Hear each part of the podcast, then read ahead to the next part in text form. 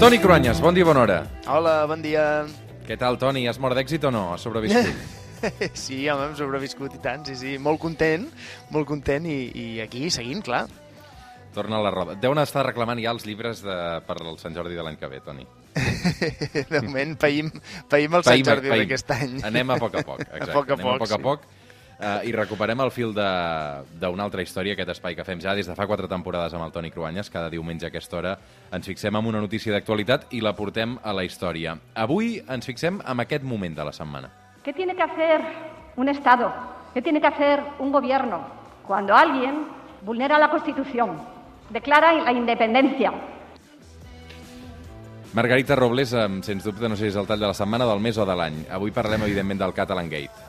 Sí, sí, avui parlarem d'espies perquè amb les nostres referències històriques, com, com cada setmana, anirem fins al 1974, perquè de què ve això del Catalan Gate? Doncs molt clar, del Watergate i de Richard Nixon. But the interests of the nation must always come before any personal considerations. From the discussions I have had with congressional and other leaders, I have concluded that because of the Watergate matter, I might not have the support of the Congress that I would consider necessary to back the very difficult decisions De fet, aquest és el moment en què Richard Nixon, eh, ara ho deia, plega, no? dimiteix com a president dels Estats Units després de tot l'escàndol.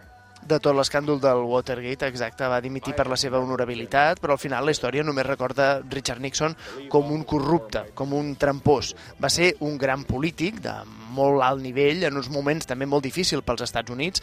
Ell va ser pre- vicepresident durant vuit anys, va ser candidat perdedor davant de John Fitzgerald Kennedy i finalment guanyador dues vegades com a president. La seva dimissió va ser una tragèdia per ell i la seva família, però va ser una prova de la superioritat moral del sistema democràtic dels nord-americans respecte, per exemple, les dictadures del bloc soviètic d'aquell moment. This is the end, beautiful friend. Estem parlant de l'any 1974, pràcticament mig segle. Eh? Hem de pensar en la guerra del Vietnam, l'obertura de la Xina, la crisi del petroli, les dictadures sud-americanes... Eh, Nixon era un home d'acció, era considerat un patriota pels americans. Potser per això, perquè estava acostumat a treballar amb les forces de seguretat, amb l'exèrcit i amb l'espionatge, va caure en un error que va resultar imperdonable. Va manar a espiar la seu del Partit Demòcrata durant la campanya del 1972, és a dir, dels seus rivals a les urnes. És l'edifici conegut com a Watergate, a Washington.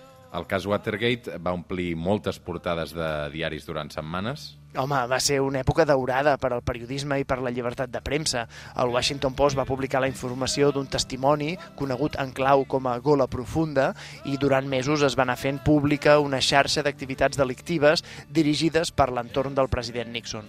De fet, es va descobrir, Toni, que el govern dels Estats Units, a través de l'FBI i de la CIA, va assetjar grups opositors i activistes polítics. L'escàndol va ser tan gran que Nixon va haver de dimitir l'agost de 1974. La investigació judicial va seguir i es va investigar a 69 persones, de les quals 48 van ser declarades culpables i van ser portades a presó. Richard Nixon va aconseguir un perdó presidencial del seu successor, Gerald Ford. Va ser un indult molt polèmic, però el president Ford el va concedir a Nixon, que després va acabar morint als 81 anys. I, de fet, des del Watergate a tots els escàndols d'espionatge se'ls afegeix aquesta terminació, el gate aquest, eh, i això ha passat ara també amb l'espionatge espanyol als independentistes catalans. A a tot el món ho fan. Watergate, eh, recordem-nos el nom d'un edifici. No, no té molt sentit això, eh? però la terminació gate és sinònim d'espionatge, d'escàndol. El primer que ho va fer servir va ser un periodista americà, antic redactor de discursos del mateix Nixon. Es deia William Safir i a les seves columnes d'opinió al New York Times hi barrejava noms de polítics o d'escàndols amb aquesta terminació gate. La seva voluntat era demostrar que hi havia molta corrupció, que era generalitzada i d'aquesta manera relativitzava la importància del cas de Nixon. I la tàctica va funcionar, no? Sí, mentre que per William Safir l'objectiu era rebaixar el cas Nixon, després normalment s'ha afegit al Gate a escàndols menors, però que es volien associar amb el de Nixon, per exemple Clinton Gate, quan va haver-hi l'escàndol de Mónica Lewinsky. A l'estat espanyol es va fer famós també aquest cas. Tengo la convicción de ser objeto de un intento de desprestigio personal y igualmente la conciencia de no ser más que el destinatario circunstancial de este intento. Narcís Serra, no? El Serra Gate, fins i tot es deia. exacte. L'any 1995, el vicepresident del govern espanyol, Narcís Serra, va haver de dimitir per un escàndol d'espionatge il·legal i a l'afer també li van dir això, Serra Gate. Clar, és que en tenim molt i de molt recents. N'hi ha hagut de molts famosos, no?, també, Toni? Sí, hi va haver el Volga Gate sobre espionatge rus ja als anys 70, o un altre de més eh, divertit, diguem-ne, el Camila Gate sobre espionatge a Camila Parker Bowles i el príncep Carles d'Anglaterra, o el Climate Gate, així se li diu eh, com la indústria ha amagat molts escàndols de contaminació. I també hi ha una derivada italiana del gate americà. Sí, mira, als anys 90 hi va haver la famosa investigació criminal a Milà sobre suborns i corrupció que es va anomenar Tangentopoli, que és una paraula composta. Tangente en italià vol dir suborn i poli vol dir ciutat. Eh, Així Milà era llavors la ciutat dels suborns, Tangentopoli.